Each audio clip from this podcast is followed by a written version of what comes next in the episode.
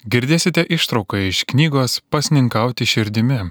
Knygos autorius tėvas Slavko Barbarič. Skaito Laimės Krunglevičius. Dešimtas skyrius. Pasninkas ir dvasinė sveikata.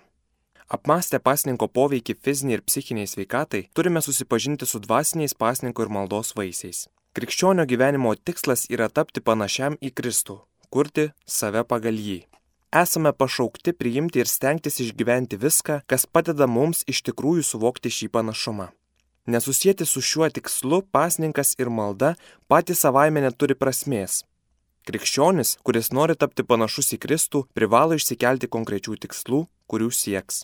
Kalbėdami apie dvasinę sveikatą turime pabrėžti, kad pasninkas ir malda teigiamai veikia psichinę ir fizinę sveikatą, bet tai nereiškia, kad kūno lygos liudyja, jog nėra psichinės ar dvasinės veikatos. Buvo šventųjų, kurie visą gyvenimą sirgo fizinėmis lygomis, bet net būdami ligoniai pelnė tobulą dvasinę sveikatą. Apie gerą dvasinę sveikatą liudyja vidinė laisvė ir ramybė, sugebėjimas mylėti ir atleisti, kilnumas ir dėkingumas, visiškas atsidavimas Dievo valiai ir pasirengimas paukoti savo gyvenimą už kitus. Kitaip tariant, krikščionio gyvenimo tikslas yra sugebėti tarti Dievui ir tiems, su kuriais gyvename, štai mano gyvenimas už tave, mano talentai tavo paslaugoms. Svarbiausia vieta Dievui. Dievas sukūrė žmogaus širdį savo ir ji negali būti laiminga, jei Dievas neužima joje svarbiausios vietos. Kiekvienas privalo paklausti savęs, kas veikia jo sprendimus, taip jis sužinos, kokią vietą jo gyvenime užima Dievas. Tik kai Dievas tampa visų sprendimų ir veiksmų matu, žmogus gali sakyti, kad Dievas jam yra pirmoje vietoje. Taip buvo Jėzaus gyvenime. Jis viską darė pagal tėvo valią ir tik tai, kas ją atitiko. Jėzus yra tėve, o Dievas tėvas yra Jėzuje. Žodžiai, kuriuos sakė Jėzus, nebuvo jo paties. Jis kalbėjo tai, ką girdėjo iš tėvo. Pasninkaudamas dykumoje, Kai teko kovoti su pagundomis, Jėzus darė viską, kad Dievas tėvas būtų pagarbintas ir pašlovintas, kad visi gyventų Dievo tėvų žodžiu ir kad jam nebūtų rengiami išbandymai. Kai Jėzus kentė Getsemanė sode, jis visiškai atsidavė tėvo valiai. O ant kryžiaus Jėzus atidavė savo dvasę į Dievo tėvo rankas. Kiekviena gyvenimo akimirka svarbiausia vieta žmogaus širdyje turi priklausyti Dievui. Jei melžiamasi, bet deramai nesielgiama, Tada savanaudiškumas ir išpuikimas lengvai įsėlina į žmogaus maldas ir ketinimus. Dažnai sakome, tėve, tiesie tavo valia, bet vis tiek tikimės, kad viskas bus taip, kaip norime. Todėl lengvai gali nutikti, kad besimeldžiantis žmogus pradės matuoti Dievo meilę, gailestingumą ir gerumą pagal tai, ką iš jo gavo ar ko negavo. Štai kaip visas žmogaus maldos gyvenimas gali sumenkti iki grumtinių tarp jo ir Dievo valios. Neperdėsiu sakydamas, kad mūsų maldos net gali būti be Dievo. Tai yra ieškome ne Dievo, jo valios ir meilės ir net ne jo karalystės, bet tik to, ką jis mums gali duoti. Štai kodėl Jėzus kviečia pirmiausia siekti Dievo karalystės ir jo teisingumo, o visa kita bus mums pridėta. Jei neklausysime, ką sako Jėzus, mūsų maldas įkvėps poreikiai, o jei Dievas nesuteiks mums to, ko melžiame, nusigręšime nuo jo nusivylę, nes jis nedavė prašytų dalykų. Tačiau kurie pradeda melstis bei gyventi su duona dvi dienas per savaitę, kurie pasninko dienomis palieka nuo šalyje visus kitus dalykus, tie pradės širdies išlaisvinimo iš savanaudiškumo ir išpuikimo procesą, išsivaduos nuo prisirišimo prie asmeninių troškimų ir norų, nesveikos priklausomybės nuo materialinių dalykų, savęs ar kitų. Taip žmogaus vidinė erdvė atiteks Dievui, kad jis užimtų svarbiausią vietą širdyje. Dievas nėra mūsų širdyse tam, kad jas užgrobtų, bet kad jas išlaisvintų, taptų jų šviesa, keliu, tiesa, gyvenimu, taika ir meilė - viskuo. Pasninkų ir malda išsilaisviname ir pradedame gyventi žmogaus vertą gyvenimą. Turime gerai įsiminti ir niekada nepamiršti, kad tik mūsų augimas laisvę rodo, ar gerai pasninkaujame ir melžiamės. Visada privalome atkreipti į tai dėmesį ir egzaminuoti save, o neskaičiuoti, kiek dienų pasninkavome ar kiek maldų sukalbėjome. Mūsų vienintelis ir esminis matas yra Jėzaus gyvenimas ir klausimas, ar tampame į jį panašus. Per širdies laisvę, kuri įgyjama pasninku ir malda, ir kur pasninkas ir malda įgauna prasme, žmogus tampa jautresnis santykiams su savimi, kitais ir materialiniais dalykais.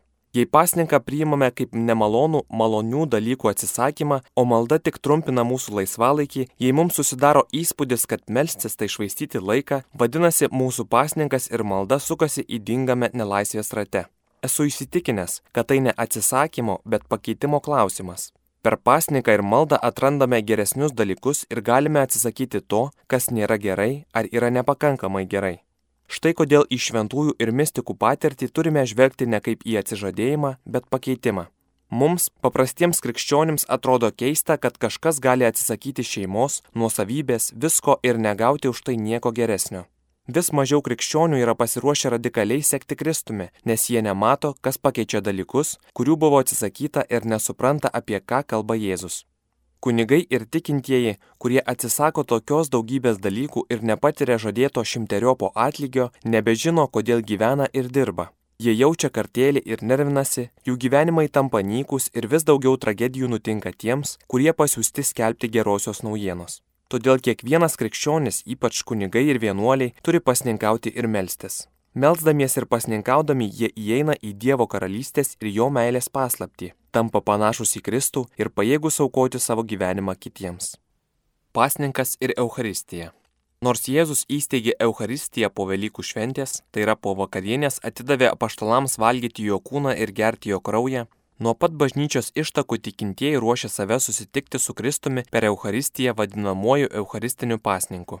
Seniausios bažnyčios tradicijos, kurių vis dar laikomas rytų bažnyčiose, geografiškai artimesnėse krikščionių bažnyčios ištakoms atskleidžia mums krikščionybės pradžioje vyravusią dvasę. Šiandien ją matome ortodoksų bažnyčios praktikoje. Besiruošiantieji priimti šventąją komuniją laikosi visą savaitę trunkančio pasninko. Komunijos dienai artėjant pasninkas tampa griežtesnis. Nelaimiai ortodoksai retai priima šventąją komuniją. Neturime pamiršti, kad kasdien priimti šventąją komuniją ne visada buvo leidžiama. Nurodymai skelbia, kad kiekvienas tikintysis kartą per metus privalo atlikti išpažinti ir priimti šventąją komuniją laikotarpį nuo Velykų iki sėkminių. Kai atsirado galimybė dažniau priimti šventąją komuniją, buvo nurodyta, kad nuo vidurnakčio iki šventosios komunijos prieimimo akimirkos negalima net vandens gerti. Buvo leidžiama gerti tik vaistus. Liturgijos atnaujinimas prasidėjęs popiežiaus Pijaus XII pontifikato metu leido aukoti šventasias mišes po pietų ir dėl praktinių sumetimų Eucharistinis pasninkas buvo sutrumpintas iki 3 valandų. Po Vatikano antrojo susirinkimo Eucharistinis pasninkas buvo dar patrumpintas iki 1 valandos prieš šventąją komuniją. Taip pasiruošimo Eucharistijai pasninkas praktiškai išnyko. Problema nesutrumpėjęs Eucharistinis pasninkas, bet kad tinkamai nepasiruošiama susitikti su Kristumi per Eucharistiją. Kyla rimtas pavojus, kad išnyks gili pagarba Kristaus buvimui Eucharistijoje o galiausiai ir skirtumas tarp paprastos duonos ir eucharistinės duonos. Kalbėdamas apie Korinto bendruomenės Eucharistijos šventimą, šventasis Paulius rašo, Tai ištiria žmogus pats save ir tada te valgo tos duonos ir te geria iš tos taurės. Kas valgo ir geria to kūno neišskirdamas, tas valgo ir geria savo pasmerkimą. Esu įsitikinęs, kad Eucharistinis pasninkas buvo tarsi duris, pro kurias tikintieji su gilia pagarba įeidavo į Kristaus buvimo paslapti ir atskirdavo paprastą duoną nuo Kristaus kūno. Pirmąją komuniją priimantis vaikai pirmą kartą susitikti su Kristumi paprastai ruoždavosi griežtų pasninkų nuo vidurnakčio iki šventos komunijos prieimimo. Koks svarbus jiems buvo tos akimirkos laukimas. Šiuo pasninku tikinčiojo siela buvo supažindinama su nuostabiu ir paslaptingu Kristaus buvimu ir lengviau išvengdavo paviršutinio susitikimo su Eucharistiniu Kristumi pavojaus. Kai tikintysis priima Kristų Euharistijoje be pasiruošimo, gali būti prarastas tikras ryšys tarp Kristaus, kuris liko su savo žmonėmis duonoje, ir žmogaus, kuris priima jį komunijoje. Tinkamai rengdamasi susitikti su Eucharistiniu Kristumi per Eucharistiją, žmogus ruošiasi amžinai puotai danguje. Eucharistija yra iš ankstinis amžinosios puotos Dievo karalystėje nujautimas ir pasiruošimas jai. Pasninkas ir geri darbai. Jau Senajame testamente parašyta, kad nepakanka vien melstis ir pasninkauti, kad pasninkas ir malda turi paskatinti tikintįjį daryti gerus darbus. Todėl pasninkas, malda ir geri darbai visada yra kartu ir reikalauja vienas kito. Tas, kuris pasninkauja ir meldžiasi, sugebės suprasti, ko jam reikia, o ką jis gali atiduoti kitų labui. Svarbu neatiduoti vargšams tai, ką žmogus sutaupė pasninkaudamas, bet suteikti savo poreikiams teisingas proporcijas. Nepasninkaujančio ir nesimeldžiančio žmogaus poreikiai gali nuolat aukti, jis gali nepajėgti jų kontroliuoti, o kuo daugiau žmogui reikia, tuo mažiau jis linkęs atiduoti kitiems. yra daugybė dalykų, kurie mums atrodo reikalingi. Jų neturėdami tampame nervingi, linkę į smurtą, godus, šykštus ir neteisingi. Bet iš tikrųjų tai kiti įtikino mus, kad mums reikia tų dalykų. Šiandien, kai per žiniasklaidos priemonės, ypač televiziją, nuolat siūloma kažkas naujo, iškilo didžiulis pavojus. Norėdamas neatsilikti nuo pasaulio tempo, žmogus priverstas dirbti vis daugiau, leisti savo gyvenimą darbe, nepaisti dvasinių vertybių ir šeimos ar net sužlugdyti savo paties gyvenimą. Tokioje aplinkoje žmogus nemato nei ką jis turi, nei ko jam reikia, nei ką jis gali paukoti kitiems. Pasninkaudamas žmogus įgyja sugebėjimą matyti situaciją daug aiškiau ir jo santykis su materialiniais dalykais pradeda keistis. Pasninko ir maldos vertė kaip tik ir matuojame santykio su materialiniais dalykais pokyčiu bei pasitraukimu iš lenktynių dėl materialinių gerybių. Pagrindinis pasninko ir maldos kriterijus yra žmogaus jautrumas kitų situacijai ir pasirengimas padėti. Jei kas meldžiasi ir pasninkauja, bet netobulėja atsakingumu už kitus ir nėra viskam pasiruošęs, jis privalo rimtai susimastyti apie savo pasninko ir maldos vertę. Žmogus, kuris pasninkauja ir meldžiasi, turi tapti kilnus, gailestingas ir jautrus kitiems. Jis turi įgyti sugebėjimą pamatyti varguolyje, stokojančiame ar bendrai pagalbos reikalingame žmoguje Kristų ir kaip galėdamas padėti kitiems iš meilės Jėzui, kuris susitapatino su kiekvienu iš mūsų, ypač su vargšais ir skurstančiaisiais pasninkas ir malda prieš demoniškas jėgas. Tikriausiai neatsitiktinai kartu su pasninku bažnyčia apleido ir kovą su demoniškomis jėgomis. Bažnyčia beveik liovėsi ne tik kalbėti apie pasninką, bet ir kovoti su šėtonu bei jo karalyste. Nors pastaraisiais dešimtmečiais šėtoniškasis veikimas pasaulyje tampa vis akivaizdesnis, satanistų grupės, jų knygos, filmai, muzikos grupės, kurios savo dainomis prisipažįsta tarnaujančios šėtonui ir net satanistų šventyklo atsiradimas. Bažnyčia gan retai kalba apie šėtono veikimą. O egzorcizmas tai yra išlaisvinimo tarnystė, kurią Jėzus patikėjo paštalams, taip pat beveik išnyko. Tačiau ten, kur švenčiausiai mergelė Marija yra priimama kaip bažnyčios motina ir mokytoja, ši kova nėra pamiršta, bet tęsiasi. Tai irgi neatsitiktinumas. Prisimenu pokalbį su gerai žinomu egzorcistu, kuris pasakė apie švenčiausią mergelę tai, ko niekada anksčiau nebuvau girdėjęs. Švenčiausiai mergelė yra pirmoji egzorcistė, nes po gimtosios nuodėmės buvo paskelbta, kad moteris su kūdikiu kovos su šėtonu. Jis skirs ją į kulną, o jis sutraiškis jam galvą. Apreiškimo Jonui knygoje kalbama apie moterį, kuri ruošiasi gimdyti. Šietonas nori pradyti jos kūdikį, bet ji pabėga į dykumą ir išsigelbėja. Tai priminė man mano paties patirtį melžiantis virš žmonių, kuriuos maniau esant veikiamų šietoniškų jėgų.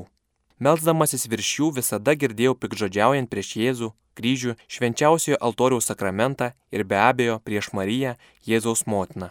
Jei ji yra ta, kuris sutraiški šėtonui galvą ir nugalės jį, tada suprantama, kodėl jis visada maištauja ir kovoja su Marija. Egzorcizmo tarnystė, kurią bažnyčia buvo gerokai apleidusi ir pamiršusi, pastaraisiais metais vėl prisiminta.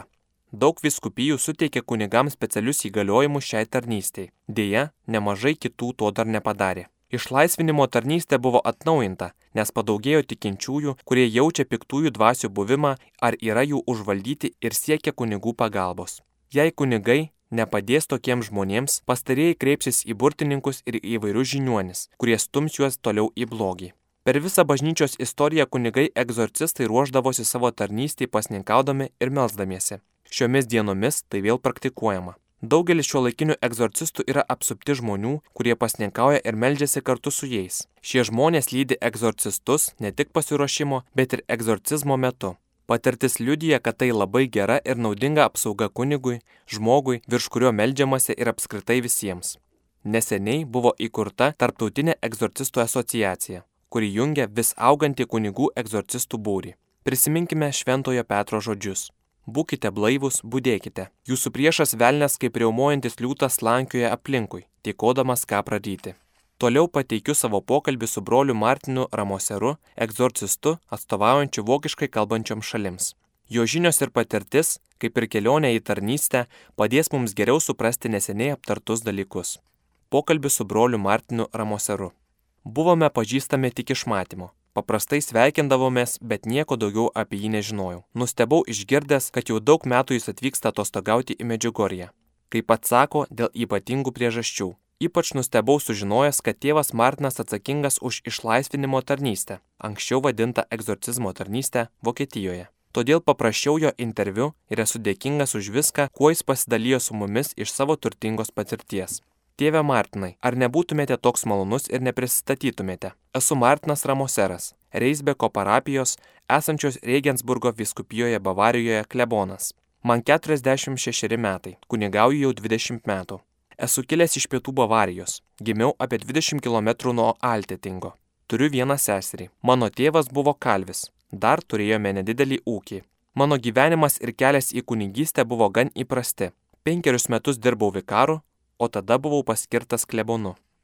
Jūs atsakingas už išlaisvinimo tarnystę Vokietijoje. Kaip tai vyksta mūsų laikais, kai nedaug kalbama apie egzorcizmą ir šią tarnystę? Iš pradžių pradėjau lankytis charizmatinio atsinaujinimo susitikimuose. Mano parapijoje gyveno anoreksija serganti mergina, kuri kelis kartus mėgino nusižudyti.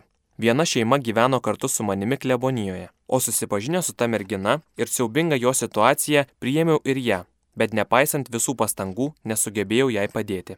Vieną dieną ji išvyko pabūti su šeima, priklausančia evangeliniai laisvai bažnyčiai, ir po šešių mėnesių patyrė išlaisvinimą. Aš dėl to piktelėjau ir pagalvojau, Kažkas, išėjęs iš katalikų bažnyčios ir prisijungęs prie laisvosios bažnyčios, jai padėjo, o aš, katalikų kunigas, nesugebėjau to padaryti. Kai kurie kiti mano parapijos nariai irgi prisijungė prie laisvosios bažnyčios. Ten, o ne su manimi, jie atrado tikrą dvasinį atsinaujinimą. Tai šiek tiek mane sutrikdė. Tada mano parapijoje susikūrė maldos grupė, kuri buvo labiau linkusi palaikyti ryšius su laisvosios bažnyčios nariais, o ne su manimi, jų parapijos klebonu, nors visi maldos grupės nariai buvo mano draugai, su kuriais leisdavausi į vairias piligriminės keliones. Vieną dieną tariau savo, turiu prisijungti prie tos maldos grupės ir sugražinti žmonės į katalikų bažnyčią, nes jie atsidūrė klaidingame kelyje. Pirmą kartą Dalyvaujant maldos susitikime, laisvosios bažnyčios vadovas, kuris padėjo mano anoreksiškai parapietiai, atsisėdo šalia. Jis buvo labai malonus, o aš vos valdžiausi ir tai didino mano pyktį. Toje maldos grupėje pamačiau, kaip jie meldžiasi vieni už kitus, ypač už ligonius. Girdėjau, kaip Jėzaus vardu jie įsako lygoms ir piktosioms dvasioms palikti žmogų ir mačiau tuos, kurie patyrė išlaisvinimą. Kai vienas laisvosios bažnyčios narių pasimeldė virš manęs, pagijau nuo nugaros skausmų. Po kelių maldos susitikimų mano iš ankstinis nusistatymas po truputį ėmė nykti. Stebėjau veikiant ypatingą jėgą, kuri katalikų bažnyčioje buvo gerokai primiršta, kad galime įsakyti Jėzaus vardu, kad galime įsakyti Jėzaus vardu. Tamsos jėgos egzistuoja, o mes turime joms valdžią. Gan greitai supratau, kad privalau to ieškoti katalikų bažnyčioje ir nepasiduoti laisvosios bažnyčios vadovavimui. Tačiau ir katalikų bažnyčioje žinome žodžius - tas, kuris tiki Jėzų ir šaukėsi jo vardo. Taip, bet aš buvau veikiamas laisvosios bažnyčios, kuri tuo metu Vokietijoje buvo labai moderni - teologijos. Kad ir kaip būtų, kad ir kaip būtų, pradėjau ieškoti katalikų bažnyčioje to, ką patyriau laisvojoje bažnyčioje ir galiausiai radau maldos grupės, kurios praktikavo išlaisvinimo maldą. Kaip atsitiko, kad dabar jūs einate išlaisvinimo tarnystę? 1995 metais dalyvavau gydymo sesijoje, kuriai vadovavo tėvas Emiliano Tardifas iš San Giovanni Rotondo. Po gydymo įvyko susitikimas su TEA ir tėvu Rufusu Pereira. Štai kaip užmesgiau ryšius su šia asociacija ir tapau jos atstovu vokiškai kalbančiose šalyse. Dabar esu įsitikinęs, kad išlaisvinimo tarnystė vėl turi tapti sąmoninga kunigystės dalimi. Kas yra TEA? Tarptautinė egzorcistų asociacija. Situacija yra tokia, kad daugelįje šalių, taip pat ir Vokietijoje, galime susidurti su dviem kraštutinumais. Pirmojo atstovai iš esmės neigia šetono ir demonų egzistavimą. Blogį jie mato kaip kažką nuosmenintą, kažkokią energiją ir teigia, kad šetonas kaip asmuo neegzistuoja. Todėl atsirandančios problemos vertinamos kaip išimtinai psichologinės. Kai žmogus susiduria su ypatingomis problemomis, kunigai ir viskupai siunčia jį pas psichiatrą. Išlaisvinimo tarnystė visiškai išnyko. Vokietijoje turėjome garsėje Klingenbergo bylą.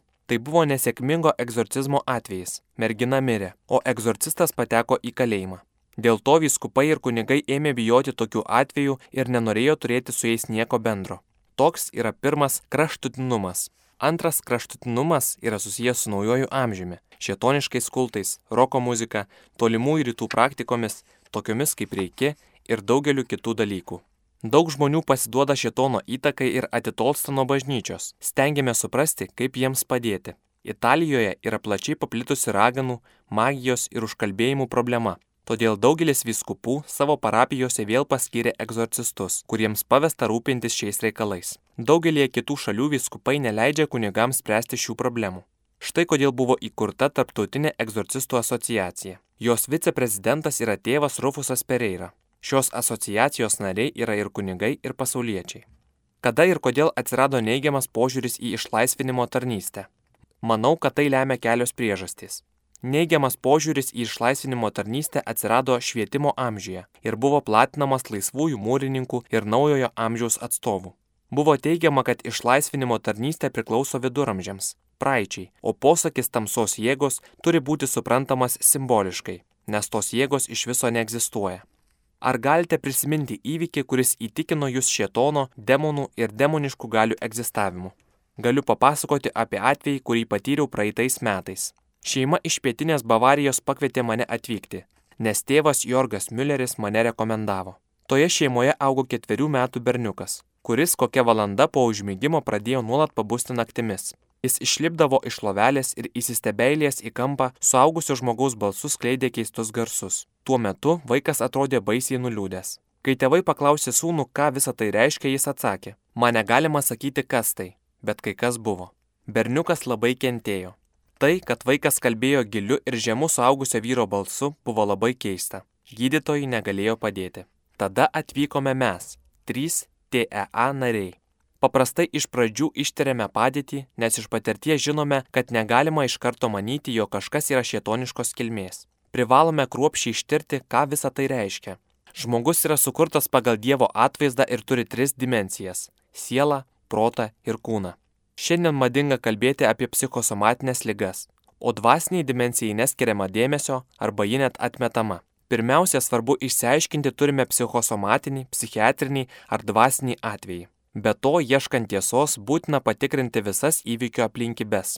Mums atliekant tyrimą, berniukas vėl pradėjo šaukti. Nedelsiant nuėjome į miegamą ir pradėjome melstis. Kiti du komandos nariai meldėsi tyliai, o aš kalbėjau egzorcizmo maldas lotyniškai. Nors berniukas nebuvo pabudęs, kelis kartus, labai konkrečiomis maldos akimirkomis, jis šokdavo prie manęs, čiupdavo už stulos ir mėgindavo išstumti lauk. Jis buvo kažkokios transo būsenos. Sukalbėjau krikšto egzorcizmą šešis ar septynis kartus ir šios apraiškos beveik visiškai išnyko. Mes dar pasimeldėme ir viskas nurimo. Tai patyriau, kaip reaguoja į maldą tamsos jėgos. Joms tenka pasitraukti. Dažnai nutinka, kad mums melžiantis apsėsti žmonės pradeda triukšmauti, trankytis kojomis ir rankomis. Po maldos jie visiškai neprisimena tokio elgesio, nors būdravo. Tokia būsena juos apimdavo tik maldos metu. Šis elgesys aiškiai liudyja, kad tamsos jėgos egzistuoja. Kas yra svarbu išlaisvinant ir kas dirba su jumis? Su manimi būna susituokusi pora. Pirmiausia, prašome apibūdinti apraiškas, kada jos prasidėjo, asmeninę situaciją ir aplinkybės susijusias su artimais bei tolimais šeimos nariais. Ypač svarbu žinoti, ar nėra kokių ypatingų problemų. Pavyzdžiui, ar kas nors net ir ankstesnėse kartose nebuvo įsitraukęs į magijos praktikavimą. Visada klausėme, ar nebuvo savižudybių, abortų, neteisingų žemės ar paveldėjimo dalybų, ar kokių su tuo susijusių prakeiksmų. Ką darote sužinoję, kad kažkas peržengia psichosomatinį lygmenį? Labai dažnai būna įtraukti visi trys lygiai ir pastebime fizinės, psichologinės ir dvasinės apraiškas. Štai kodėl melžiamės ne tik už išlaisvinimą, bet ir už vidinį pagyjimą. Prieš melzdamėsi virš žmogaus pasimeldžiame trise ir tai pasiruošiame. Šaukiamės Jėzaus, nežinome apie galę, kurią jis suteikia bažnyčiai ir prašome jo išlaisvinti šį žmogų. Aš sukalbu krikšto egzorcizmą. Nekalbu didžiojo egzorcizmo, nes vyskupas dar oficialiai nepaskyrė manęs eiti išlaisvinimo tarnystės. Jėzus vardu įsakau blogio jėgoms atsitraukti ir visada melžiuosi už pasveikimą. Išlaisvinamam žmogui yra labai svarbu aukti tikėjimu. Jūs minėjote naująjį amžių - reiki ir rytų meditacijas. Ar šios praktikos ir ideologijos turi kažką šitoniško? Deja taip. Berniuko, apie kurį pasakojau, tėvas buvo reiki mokytojas. Manau, kad tai yra tikroji priežastis to, kas vyko berniukui. Tėvas galiausiai suprato savo klaidą ir atsisakė bet kokio kontakto su reiki. Be to, jis viešai pažadėjo daugiau jo nepraktikuoti ir pasakė savo įpėdiniui, kuris perėjo visus lygius, kad taptų mokytoju, jog tai neteisinga ir pavojinga. Kai tėvas Rufusas Pereira atvyko mūsų aplankyti, jis meldėsi virš vaiko tėvo, o vėliau prisipažino pajutęs, kaip kažkokia jėga apleido tą žmogų. Kas yra reiki? Reiki laikosi gnostinės koncepcijos, kad žmogus gali pasveikti, jei virš jo šaukiamasi kosminių energijų. Reiki praktikuojantys žmonės, reiki praktikuojantys žmonės, padedami specialių pratimų, tampa kosminės energijos kanalais. Teigiama, kad ji turi gydomųjų galių. Pasveikimas neteina iš individo, bet iš energijos, kurią treniruotas žmogus iššaukia uždėdamas rankas. Reiki mokytojai tvirtina, kad pagymai įvyksta. Kadangi tai atliekama ne Jėzaus vardu, atsiranda vietos demoniškoms jėgoms, kurios veikia atskirus žmonės ir šeimas. Ką patarėte tiems, kurie patyrė išlaisvinimą Jėzaus vardu? Svarbiausia jiems yra stengtis gyventi krikščionišką gyvenimą ir likti su Kristumi. Kai pasveikęs ir išlaisvintas žmogus negyvena krikščioniško gyvenimo, viskas gali pakrypti į dar blogesnę pusę nei anksčiau. Jėzus pasakė, kad jei piktoji dvasia išvaroma, bet namai lieka tušti, gali įeiti septynios kitos dvasios blogesnės nei išvarytoji. Svarbu gilinti asmeninius santykius su Kristumi. Patariu kunigams nevengti šių problemų, bet padėti žmonėms patirti išlaisvinimą šventosios dvasios jėga ir gyventi krikščioniškai ar visi einantys išlaisvinimo tarnystę kalba apie roko muziką kaip labai pavojingą dvasiniam gyvenimui. Šiomis dienomis blogio jėgos gali patekti į žmogų daugeliu įvairių kanalų. Iš patirties žinau, kad vienas jų yra roko muzika. Per šią muziką tamsos jėgos randa atvirus langus, kaip paveikti žmogų. Prisimenu gerai žinomą grupę ACDC. Viena jų garsiausių dainų šlovina šetoną ir vadinasi Highway to Hell - greitkelis į pragarą. Joje sakoma, Ei šetone, atidaviau duoklę grodamas roko grupėje. Ei mama, pažvelk į mane. Aš pakeliu į pažadėtąją žemę. Aš visą kelią važiuoju žemyn, aš greitkelyje į pragarą. Kai žmogus kartoja tokį ar panašų tekstą, jo siela atsiveria tamsos jėgoms. Štai kodėl svarbu visiems, ypač jauniems, kalbėti rožinį, nes tada daug kartų kartojame sveika Marija. Taip po truputį atsiveriame išganimui. Kaip kartodami negatyvius dalykus atsiveriame blogiui. Ypač patariu jaunimui, kuris klauso roko muzikos, dažnai kalbėti rožinį ir kartoti. Tėve mūsų, te ateinie tavo karalystė, tiesie šventas tavo vardas. Trumpiausia išlaisvinimo malda yra saugok mus nuo pikto. Remiantis jūsų patirtimi, koks yra Marijos vaidmuo išlaisvinimo tarnystėje. Daugybę kartų patyriau, kad Marija yra geriausia pagalbininkė kovoje su tamsos jėgomis. Kaip ir išlaisvinimo maldą šaukiuosi Marijos, šlovindamas jos nekaltą įpradėjimą ir dieviškąją motinystę, tamsos jėgoms tenka pasitraukti. Prancūzų egzorcistas, egzorcistų asociacijos narys, kelis kartus patyrė, kad piktosios dvasios bijo Marijos net labiau nei Jėzaus. Tai galima suprasti ir iš žmogiškos pusės. Piktosios dvasios yra priverstos nusileisti Jėzui, bet nusileisti kukliai moteriai joms yra didžiausias pažeminimas. Šventasis popiežius Jonas Paulius II. Evangelium Vitae. Šventasis popiežius Jonas Paulius II kvietė pasninkauti. Jis pats pasninkavo ir meldėsi Asyžiuje kartu su kitų religijų vadovais. Savo enciklikoje Evangelium Vitae jis rašė apie pasninką ir ragino pasninkauti bei melstis. Popiežius pabrėžė, kad pasninkas ir malda yra geriausios priemonės kovojant su šietonu ir jo karalyste. Evangelium Vitae, numeris 100. Šventasis popiežius Jonas Paulius II rašo.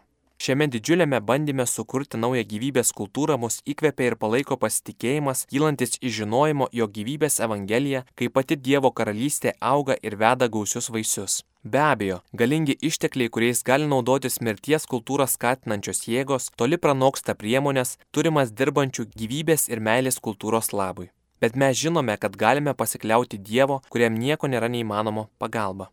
Perimta šio įsitikinimo ir skatinamas gilaus susirūpinimo kiekvieno vyro ir moters ateitimi, kartoju tai, ką esu sakęs šeimoms, tęsiančioms savo daug reikalaujančią misiją tokios daugybės sunkumo apsuptyje. Būtinai reikalinga didi malda už gyvybę malda, kuri apimtų visą pasaulį. Jeigu specialiomis iniciatyvomis ir kasdienė malda kyla į Dievą, gyvybės kurie ir mylėtoje, aistringas maldavimas iš kiekvienos krikščionių bendruomenės, grupės ir sąjungos, kiekvienos šeimos ir kiekvieno tikinčiojo širdies. Pats Jėzus savo pavyzdžių parodė mums, kad malda ir pasninkas yra pirmieji ir veiksmingiausi ginklai prieš pikto jėgas. Kaip jis sakė savo mokiniams, yra demonų veislė, neišvaroma nieku kitu, tik malda. Tad naujai atraskime nusižeminimą ir drąsą melstis ir pasninkauti, kad galiai iš aukštybių sugriautų melo ir apgaulės sienas. Tos sienos nuo daugybės mūsų brolių ir seserų slėpė priešiškose gyvybėje įstatymuose ir veiksmuose glūdinti blogį. Tegu ta pati galia jų širdis pasuka į pasirežimus ir sumanimus, įkvėptus gyvybės bei meilės civilizacijos. Šventasis popiežius Paulius VI. Paeni temini. Taip pat reikia paminėti ir Šventojo popiežiaus Pauliaus VI išleistą apaštališkąją konstituciją, kurioje kalbama apie pasninką ir atgailą. Pačioje dokumento įžangoje šventasis popiežius Paulius VI atskleidžia konstitucijos pasirodymo priežastį. Tai yra būtinybė mokyti tikinčiuosius apie atgailą. Šis mokymas atskleidžia dieviškojo įsakymo atgailauti turinį ir prasme. Bažnyčia apima tai, kas žmogiška ir dieviška, matoma ir nematoma, laikina ir amžina. Pats Jėzus susijo Evangelijos kelbimą ir atgailą. Savo mokymais pradėjo kvietimu atgailauti, atsiversti ir tikėti Evangeliją, gerąją naujieną. Šventasis Jonas Krikštojas ruošiasi tarnystėje griežta atgaila, pasninku ir atsižadėjimu. Šventasis Paulius rašo, kad Jėzaus ateimas tai savęs apiplėšimas, dieviškumo ir lygybės su Dievu atsisakymas, nes Jėzus apiplėšė pats save, priimdamas tarno išvaizdą ir tapdamas panašus į žmonės. Kiekvienas krikščionis yra pašauktas dalyvauti Kristaus misijoje. Tai yra elgtis kaip Jėzus. Tai apima pasninką, atsižadėjimą ir viską, ko mokė Jėzus. Į Kristaus kančią ir mirtį ant kryžiaus reikia žvelgti laikantį šio požiūrio. Nors bažnyčia yra šventa, be dėmės ar aukšlės, bet ją sudaro nuodėmingi individai. Štai kodėl bažnyčia nuolat kviečia atsiversti, atgailauti ir pasninkauti. Viena iš esminių bažnyčios mokymo užduočių yra skelbti atgailą ir aiškinti savo nariams, kaip išsilaisvinti iš priklausomybės nuo materialinių dalykų. Svarbu, kad kelionėje link dangiškos tėvynės bažnyčios nariai nenuklystų nuo savo kelio, nesiliautų dirbę dieviško darbo ir bendradarbiavę su Dievu. Atgaila turi būti atliekama dėl vidinio apsivalymo ir nuodėmio atleidimo. Tai labai svarbu, nes tokia yra vidinio gyvenimo su Dievu sąlyga. Toliau dokumente paminėtos įvairios biblinės aplinkybės, kai buvo atgailaujama ir pasninkaujama. Nors vidinis procesas, turintis vykti atgailaujant ir pasninkaujant, yra pagrindinis išorinių veiksmų kriterijus, tačiau dokumente kalbama ir apie išorinės vidinių pokyčių išraiškas, kurios priklauso nuo gyvenamojo laiko ir erdvės aplinkybių. Bažnyčia nurodo bendras atgailos praktikas, vyskupai yra atsakingi už atgailos formas jų viskupystėse, o parapijų kunigai - parapijose. Gerbent visuotinės bažnyčios pertvarkymus ir nurodymus, būtina apibriežti atgailos formas, kurios yra tinkamos konkretiems regionams. Kai palyginame vidinius procesus ir pasninko bei atgailos prasme su išorniais atgailos ir įvairių atgailos formų laikymosi nurodymais, lengvai pastebime, kad didžiausias dėmesys skiriamas išorniam aspektui. Tai suprantama, nes išorinis aspektas yra matomas, išmatuojamas, įvertinamas ir priklauso nuo tikinčiojo laisvo pasirinkimo, o vidinis procesas yra nepasiekiamas žmogaus valiai, nes tai malonės vaisius, prie kurio žmogiškas bendradarbiavimas tik prisideda. Pirmasis atgailos lygmuo iš tikrųjų yra sąmoningas pareigų, kurias tikintysis prisėmė gyvenime ir kurios reikalauja kantrybės bei kasdienės ištikimybės atlikimas. Sunkumų tokių kaip lyga, neturtas ar persekiojimas Paveikti tikintieji yra kviečiami suvienyti savo vargus su Kristaus kančia ir tai yra jų atgaila. Nurodymą atgailauti tobuliau turi vykdyti kunigai, kurie yra artimiau susiję su Kristumi, taip pat ir tie, kurie trokšdami glaudžiau sekti viešpaties pasiaukojimu ir norėdami rasti lengvesnį bei efektyvesnį kelią į tobulą labdaringumą, laikosi evangelinių patarimų. Šalia anksčiau pateikto bendro kvietimo į atgailos darybę, tikintieji yra skatinami priimti ir praktikuoti kūno apmarinimą. Nepaisant nurodymų pasninkauti ir atgailauti pagal aplinkybės laisvės, popiežius trokšta, kad kai kurie dalykai liktų bendri, siekiant suburti visus katalikų bažnyčios narius. Štai kodėl konstitucijos pabaigoje popiežius pateikia nurodymus, kurie turi suvienyti tikinčiuosius. Visų pirma, dieviško įstatymo gale visi tikintieji privalo atlikti atgailą. Bažnyčios teisė kaip atgailos laiką nurodo gavienę, taip pat kaip ir kiekvieną penktadienį visus metus. Tomis dienomis būtina praktikuoti susilaikymą, o pelinų trečiadienis ir didysis penktadienis lieka griežto susilaikymo ir pasninko dienomis. Susilaikimas reiškia mėsos atsisakymą. Tai privaloma visiems tikintiesiems, vyresniems nei 14 metų. Pasninkas tai vienas pilnas ir du maži valgymai per dieną, pagal vietinius papročius. Tai taikoma visiems tikintiesiems nuo 18 iki 59 metų. Vyskupai ir parapijų klebonai įgaliojami daryti pakeitimus atsižvelgiant į vietinius poreikius. Kai šios apaštališkosios konstitucijos teiginius palyginame su Senajame ir Naujajame testamentuose, bažnyčios ir vienuolinių ordinų tradicijose aptinkama praktika, iškart pamatome, kad pasninkui ir atgailai suteikta tokia forma, kad jie lengvai galėjo būti prarasti. Kaip ir nutiko. Girdėjote ištrauką iš knygos Pasninkauti širdimi. Knygos autorius tėvas Slavko Barbarič. Skaitė Laimis Krunglevičius.